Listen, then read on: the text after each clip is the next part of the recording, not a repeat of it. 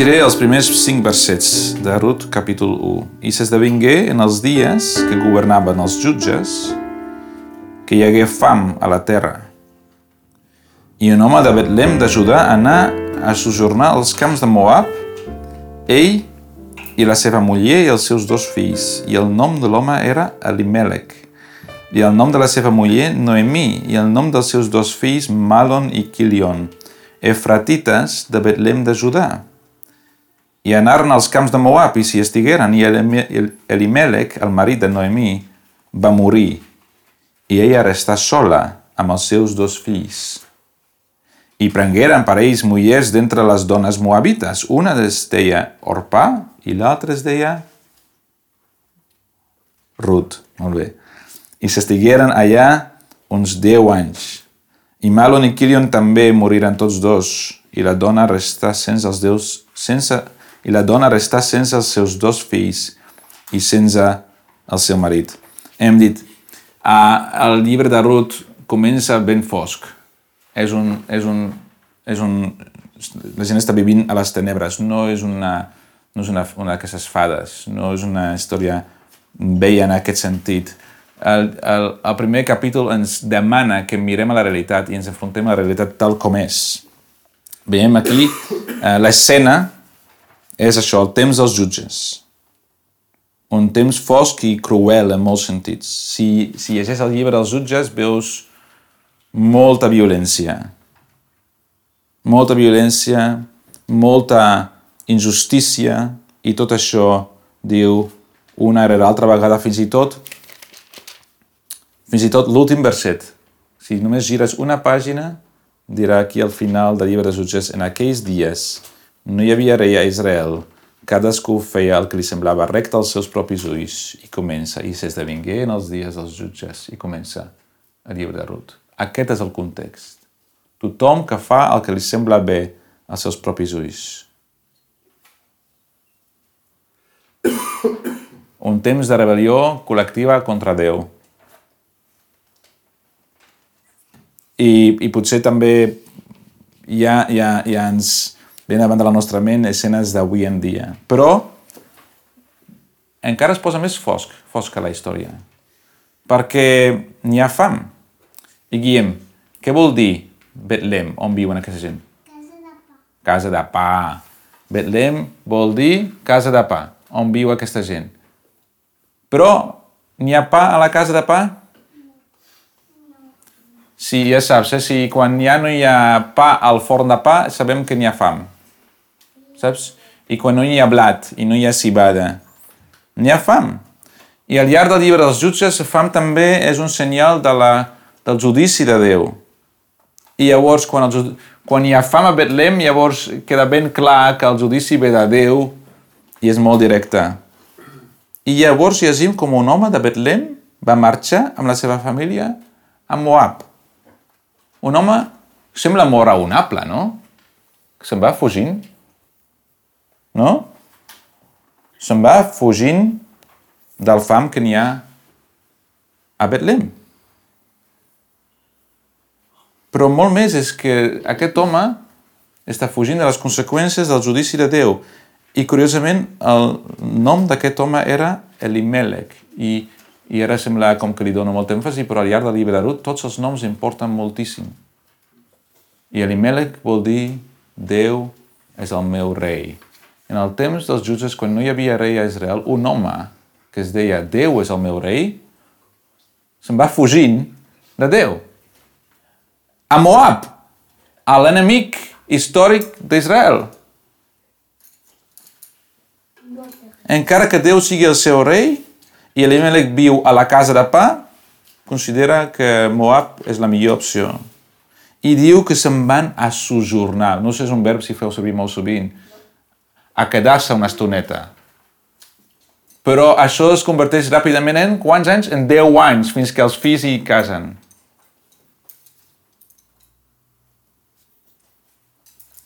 La resposta de l'Elimelech no hauria d'haver sigut anar cap a Moab, sinó penedir-se.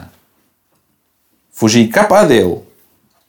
Però se'n van a sojornar a Moab. Diuen bàsicament, no, no, no, no ens traslladem a Moab, només una estoneta fins que les coses millorin i llavors tornarem. Tinguem cuidado amb sojornar en el pecat, no? Tinguem cuidado quan pensem, mira, aquesta coseta Déu, aquesta coseta, ho haig de fer un momentet. Aquest any haig de prendre un descans de tub, després tornaré. O aquesta coseta sé que no ho haig de fer, però ho haig de fer sí o sí ara un momentet. Només és un momentet, només anem a sojornar a Moab. No sé si us sona, això. Només... I deu anys després els, teus, els seus fills estan casats amb dones moabites. I bàsicament estan empadronats, eh? Vull dir, estan empadronats en el pecat. Elimelech està casat amb la Noemí. Seva dona, la seva, el seu nom vol dir alegre, contenta. Encara que no estarà gaire contenta, perquè el seu marit mor s'ha anat fugint de Betlem per la fam.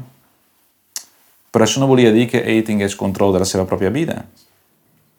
Va morir. I quina pèrdua per la Noemí.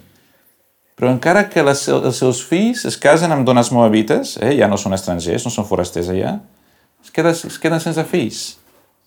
Després de 10 anys, no, no, només, no només aquests fills es queden sense fills i la Noemí sense nets, sinó encara sembla encara més desesperat, no? Comença a mostrar que realment no hi ha lloc on pots escapar-te de les conseqüències del pecat i que realment no hi ha distracció de la misèria.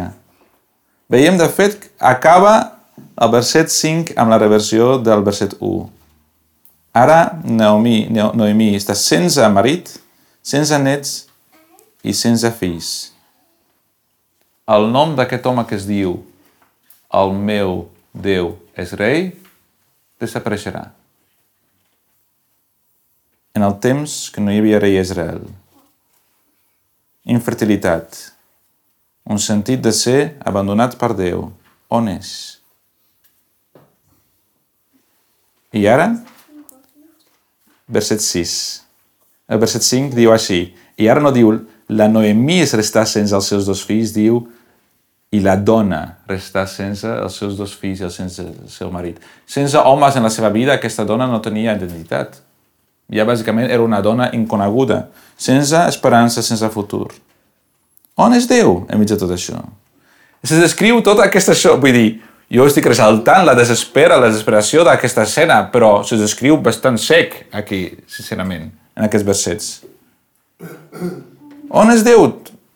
Sembla mm, total, totalment absent. Com podrà arreglar aquestes coses? La realitat que, és, que ens mostren aquí és una realitat de pecat, però no el pecat d'una sola persona. No podríem dir, mira, Noemí, és el teu pecat que t'ha causat això que estàs vivint ara mateix. És la teva culpa, que t'ha mort el, el teu marit i els teus, els teus vigilem. No.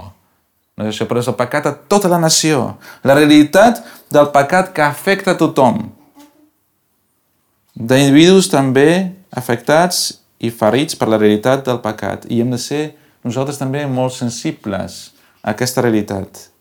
I la Noemí ja no espera res més. Ha arribat a entendre que els seus remeis ja no l'ajudaran.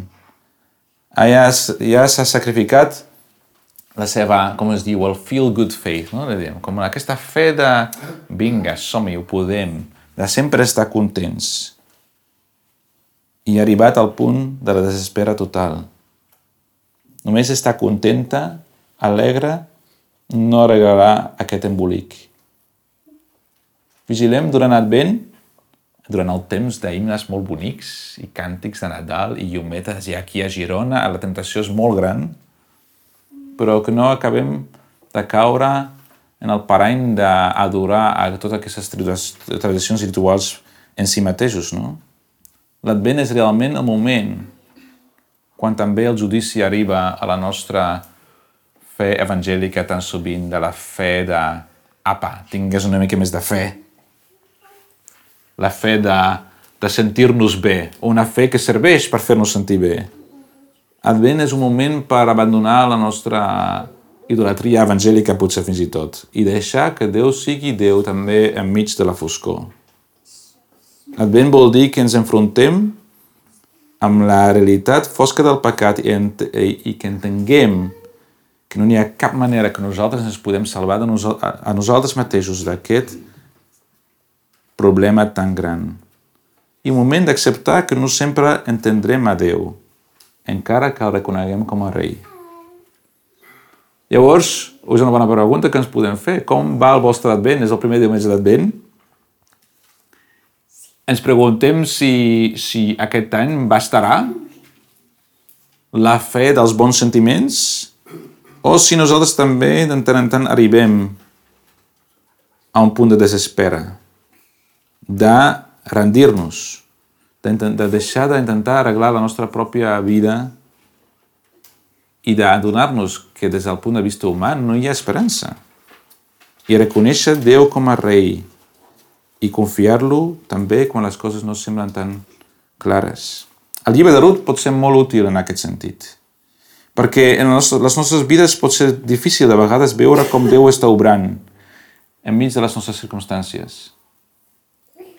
Però quan aprenem a veure la seva cal·ligrafia en la història de Ruth, també aprenem a veure la seva cal·ligrafia en les nostres pròpies vides i experiències. Això ho va dir en Sigler Ferguson. Llavors, la primera escena aquí del primer capítol era Moab. Al següent trobem, la següent escena és de Moab a Betlem. Ruth 1, verset 6 a 21. És un tros més llarg. I s'alçà ella i les seves nores i tornà dels camps de Moab, perquè ella escoltà la regió de Moab que Javé havia visitat el seu poble per donar-los pa. I Noemí va sortir del lloc on havia estat, i les seves dues nores amb ella, i s'anaren pel camí de retorn vers la terra de Judà, i Noemí digué a les seves dues nores, Aneu, torneu cadascuna a casa de la seva mare, que Javé us faci misericòrdia, com vosaltres n'heu fet amb els morts i amb mi que Javé us doni de trobar descans, cadascuna a casa del seu marit. I les besà, i elles alçaren la seva veu i ploraren, i li digueren, certament tornarem amb tu al teu poble. I Noemí digué, torneu-vos-en, filles meves, per què hauríeu de venir a mi? Tinc encara fills dins les meves entranyes perquè siguin marits per vosaltres? Torneu-vos-en, filles meves, aneu perquè jo sóc massa vella per tenir marit. Encara que digués, en tinc esperança, aquesta nit estaré amb l'espòs i també infantaré, infantaré fills, us esperaríeu fins que ells haguessin crescut? Us privaríeu per ells de tenir marit? No, filles meves, perquè això és més amarg per mi que per vosaltres mateixes, perquè la mà de Javé s'estès contra mi. I elles alçaren la seva veu i ploraren novament. I Orpà besà la seva sogra, però Ruth s'unir a ella. I Noemí digué, eus aquí, la teva cunyada se n'ha tornat al seu poble i als seus déus. Torna-te'n darrere de la teva cunyada. I Ruth digué, no m'insisteixis de deixar-te per tornar-me'n de darrere teu, perquè allà on vagis tu, jo aniré. I on tu visquis, jo hi viuré. El teu poble serà el meu poble i el teu Déu serà el meu Déu. On tu moris, jo moriré i allà seré enterrada. Així em faci Javé i, això, i així m'hi afegeixi que només la mort farà separació entre jo i tu. I en veure Noemí que ella estava decidida d'anar amb ella, cessà de parlar-ne. I anaren totes dues fins que entraren a Betlem. I s'esdevingué quan entraven a Betlem que tota la ciutat saltarà a causa d'elles i es deien, és aquesta Noemí? Ella els digué, no m'anomeneu Noemí, anomeneu-me Marà, perquè el Totpoderós m'ha omplert d'amargor. Jo vaig marxar plena, i Javé m'ha fet tornar buida. Per què m'anomeneu Noemí si Javé ha testificat contra mi i el Totpoderós m'ha afligit? Tenim traduccions molt precioses de la Bíblia i intentem evitar les repeticions de les paraules. Però hem d'entendre una cosa de la Bíblia hebrea és que es llegia en veu alta i, i, i, i és aquesta manera també que es va transmetre. I justament la repetició de les paraules era molt i molt i molt i molt, molt important. I un verb que es fa servir 12 vegades en aquest passatge, que és el verb tornar. El verb tornar. l'autor que escriu o que, que recorda la gent de la història de Ruth vol que recordin la importància de tornar. I per qualsevol hebreu en aquell moment, per, qualsevol, per qualsevol israelita, tornar era tant una cosa física com profundament espiritual. Primer, Noemí. Noemí vol tornar al seu poble. Ens mostra això, un, un, una mena de, de sentit de penediment, de, de, de fer el gir de 180 graus, de, de tornar. El seu cor es torna a Déu. El seu cor comença a esperar en Déu, no per esperar tantes coses, senzillament ella no té res més esperança fora de Déu. Déu és l'únic en qui pot esperar. D'alguna manera llegim que Déu mateix crida a Noemí. Noemí està allà,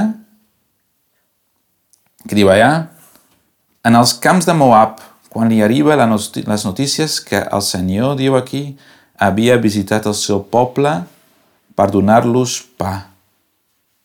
Ell la crida mostrant la seva gràcia.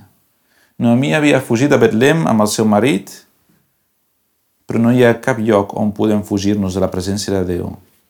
Fins i tot els camps de Moab, Déu està obrant en el cor de Noemí. Potser, potser Noemí se recordava de les paraules de Deuteronomi 30.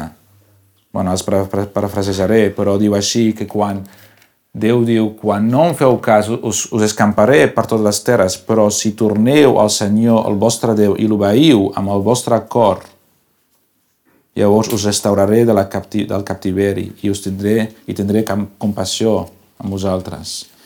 I us aplegaré de totes les, tots els pobles on el Senyor, el vostre Déu, us ha escampat. Llavors, allà, allà mateix, als camps de Moab, Noemí confia en la paraula de Déu i torna. Encara no està a Betlem.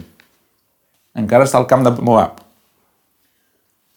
I encara té un camí per davant i per molt o poc que la Noemí sap o entén, ella arribarà sola a Betlem i viurà per la gràcia dels seus ciutadans, dels residents de Betlem. Millor dit, viurà per la gràcia de Déu. Ha canviat. Com dirà ella després, ella mateixa diré, jo vaig marxar plena i m'he tornat buida. Però, millor buida i desesperada als peus del Senyor llançant-nos, o ella en el seu cas, a la seva misericòrdia, que un sol dia més a Moab. Millor buida en el seu cas i desesperada als peus del Senyor que un dia més a Moab. Ens recorda que el vent també per nosaltres, com, que, com era l'anunci, casa, vuelve, vuelve a casa, a casa vuelve, els dels turons, no?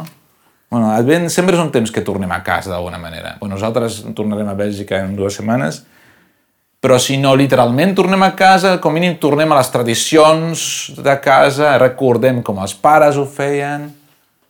Però molt més important que això és que per nosaltres Advent és un temps per tornar de penedir-nos del pecat, de deixar de sortir corrents, de deixar de fugir del Senyor i anar corrents cap al Senyor.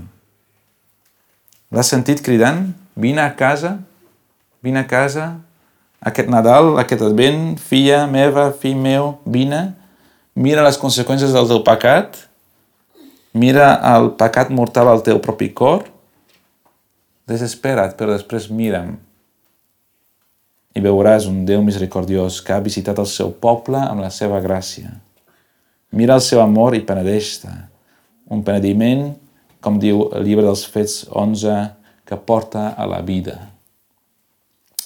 El mateix tipus de canvi veurem en la manera com ella parla, la Noemí parla amb les seves nores. Primer sembla que la Noemí només dona un, un consell molt, uh, com es diu, molt savi i decent.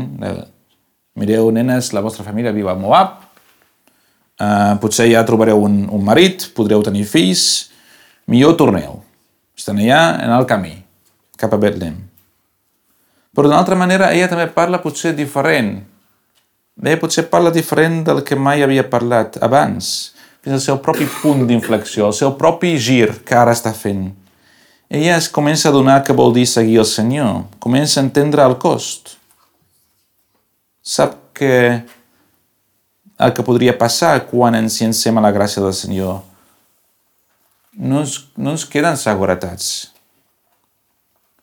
En aquest món celebrem la seguretat financera o la prosperitat material, parlem d'aquesta manera als nostres fills, fes aquesta, aquests estudis perquè llavors tindràs seguretat. Parlem de mil maneres sobre... El cost de seguir el Senyor pot significar molt... Bueno, podria significar per les seves nores que no tindrien marit. I llavors, en aquest temps encara més que avui, voldria dir sense seguretat, sense fills, sense família. La Noemí pot començar a parlar d'aquesta manera perquè comença a experimentar el cost de seguir el Senyor. Però ara és l'hora de prendre una decisió. L'Orpa ja ha pres la seva decisió. Ella escull el que sempre ja ha conegut i el que li proveeix amb la més seguretat, el que ella entén.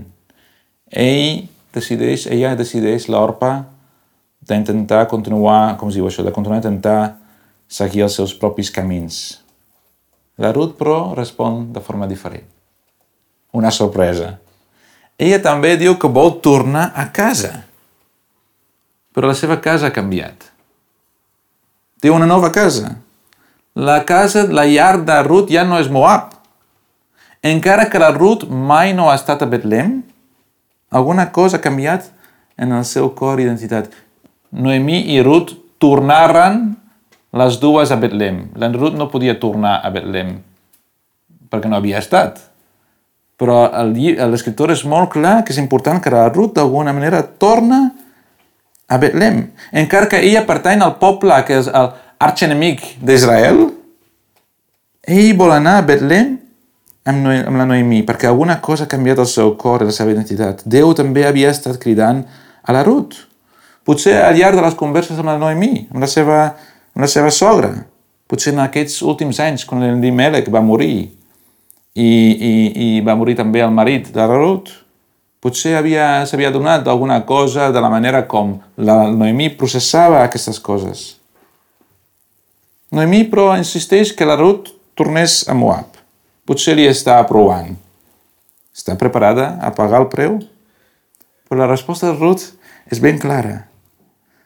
Deixa deixa de negar-me, deixa d'enviar-me cap a casa, no veus?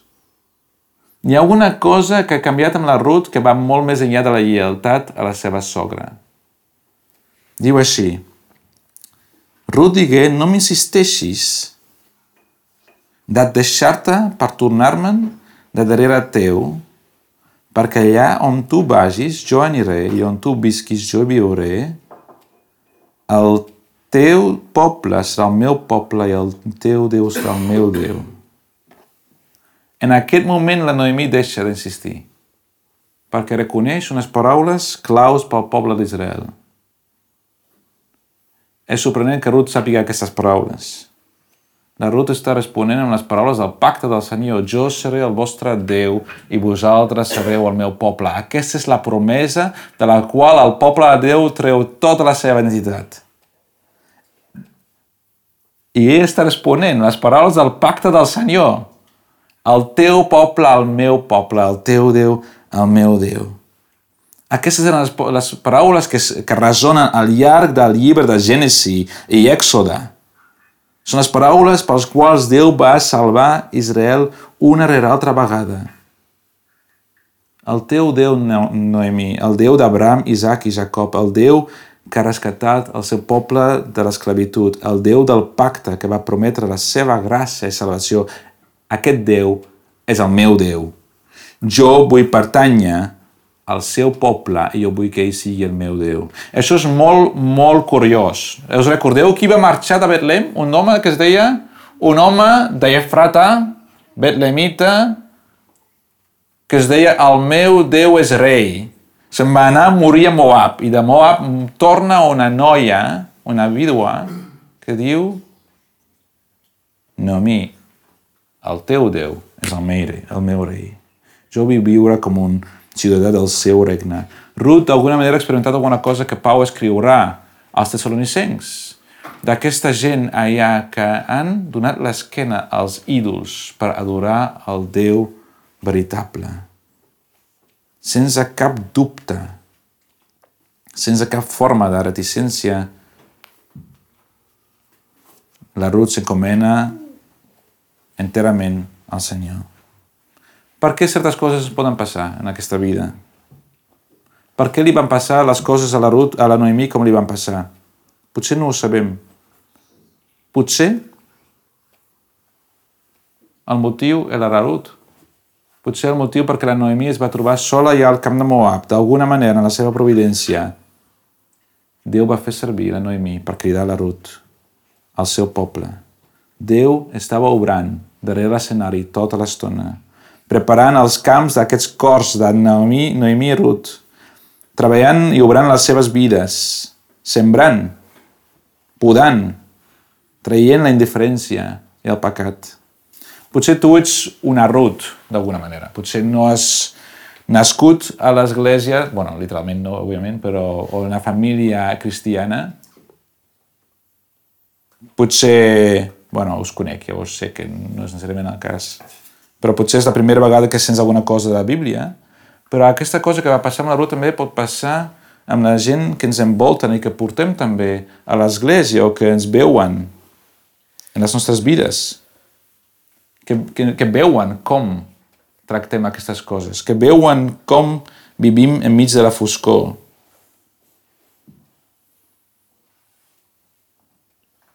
I potser si ets una Ruth, llavors, potser sense adonar-te, el teu vocabulari ha canviat. I potser no t'has adonat, però la teva llar també ha canviat. Ruth va experimentar un moment decisiu en el camí de Moab a Betlem. Un moment de fer un gir i posar la seva vida a les mans del Senyor. No cal haver, com diu, no, no era necessari per ella ser nascuda a Betlem. No cal ser una persona d'església per anar a Crist. Si Déu crida i et crida a venir a casa, vés a casa. Vés al Senyor. L'últim verset, ja acabem. L'Advent és un temps d'enfrontar, hem dit, la realitat del pecat.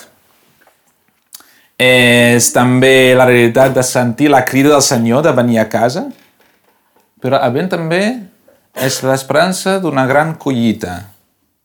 Noemí i Ruth tornen a Betlem. Eh, és que torna a dir, diu així que Ruth torna del país, de la terra de Moab i arriben a Betlem. Encara Mira aquí, i Noemí torna amb ella la seva nora Ruth, la Moabita, ella tornà dels camps de Moab i elles arribaren a Betlem al començament de la cega de l'ordi o de la cibada. Encara queda molt per resoldre, però n'hi ha esperança. Noemí no està sola. Vull dir, què vol dir Ruth? Amistat. La Ruth de Noemí ha trobat una gran amiga en la seva nora i, i humanament parlant encara tenen grans problemes. No es continuarà la línia, com es diu, la descendència de l'Imelec. Sembla, sí. Però d'aquesta manera també es posa la Noemí en la gran línia de les grans dones d'Israel, no? Sarai, Raquel, Anna, no? Elisabet, Maria, Sabem que Déu obre les seves maneres quan les coses esdevenen humanament parlant impossibles. Si hi haurà d'haver un, si, si hi haurà un hereu, serà un hereu molt especial. Noemí torna a estar a Betlem, a la casa de pa, i n'hi ha pa. Déu la restaurarà. Ella va marxar plena, plena en el sentit parlant com es diu, com nosaltres parlem, una família amb dos fills, que era cosa tan important en aquell moment. Però torna buida, afamada i sense il·lusió.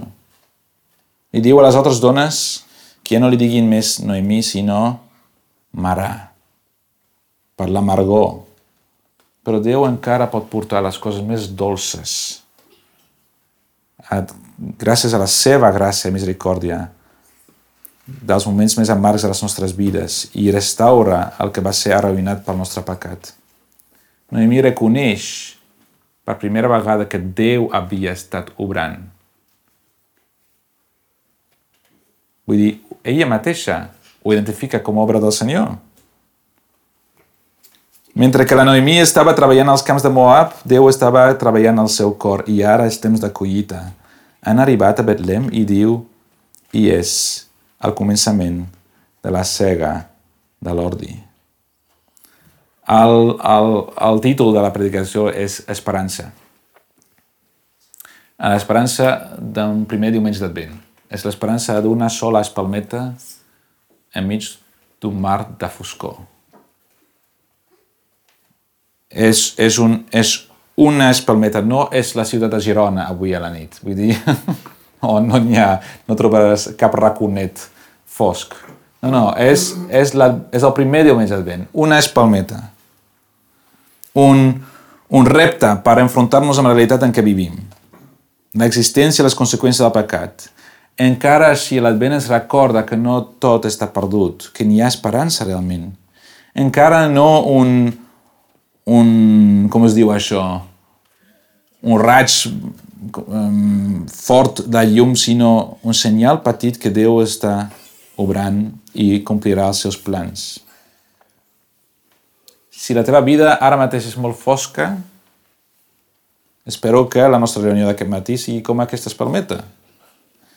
Jo també espero que nosaltres, molt més que, les, que la il·luminació a la nostra ciutat, que la nostra presència com a creients a Girona sigui de llum per les vides de la gent que ens envolta.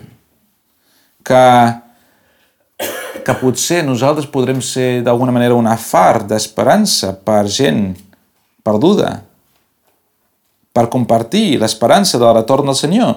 No sabem exactament com i, i quan restaurarà totes les coses, però confiem que ell ho farà. Ha començat la collita a les nostres vides i a la nostra ciutat? Noemí va tornar perquè Déu havia visitat Betlem i els havia donat pa.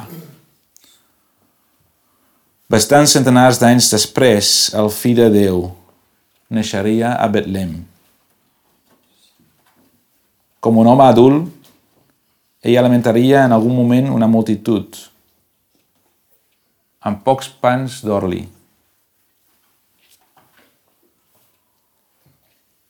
Ell és Déu encarnat.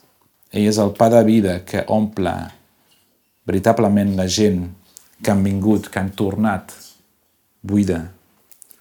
En Joan 6 ho diu així. 47, verset eh, fins 40, 51. En veritat, diu Jesús, en veritat us dic, el qui creu en mi té vida eterna. Jo sóc el pa de la vida. Els vostres pares van menjar el manà en el desert i van morir. Aquest és el pa que baixa del cel a fi que el qui mengi no mori. Jo sóc el pa vivent que ha baixat del cel. Si algú menja d'aquest pa, viurà eternament. I el pa que jo donaré és la meva carn que jo donaré per la vida del món. Si creus això, llavors vol dir que n'hi ha esperança fins i tot pels morts. Vol dir resurrecció amb Crist. Vol dir que no ha acabat la línia familiar del gran rei, que fins i tot vol dir el començament d'una nova família encara més gran, la família de Crist.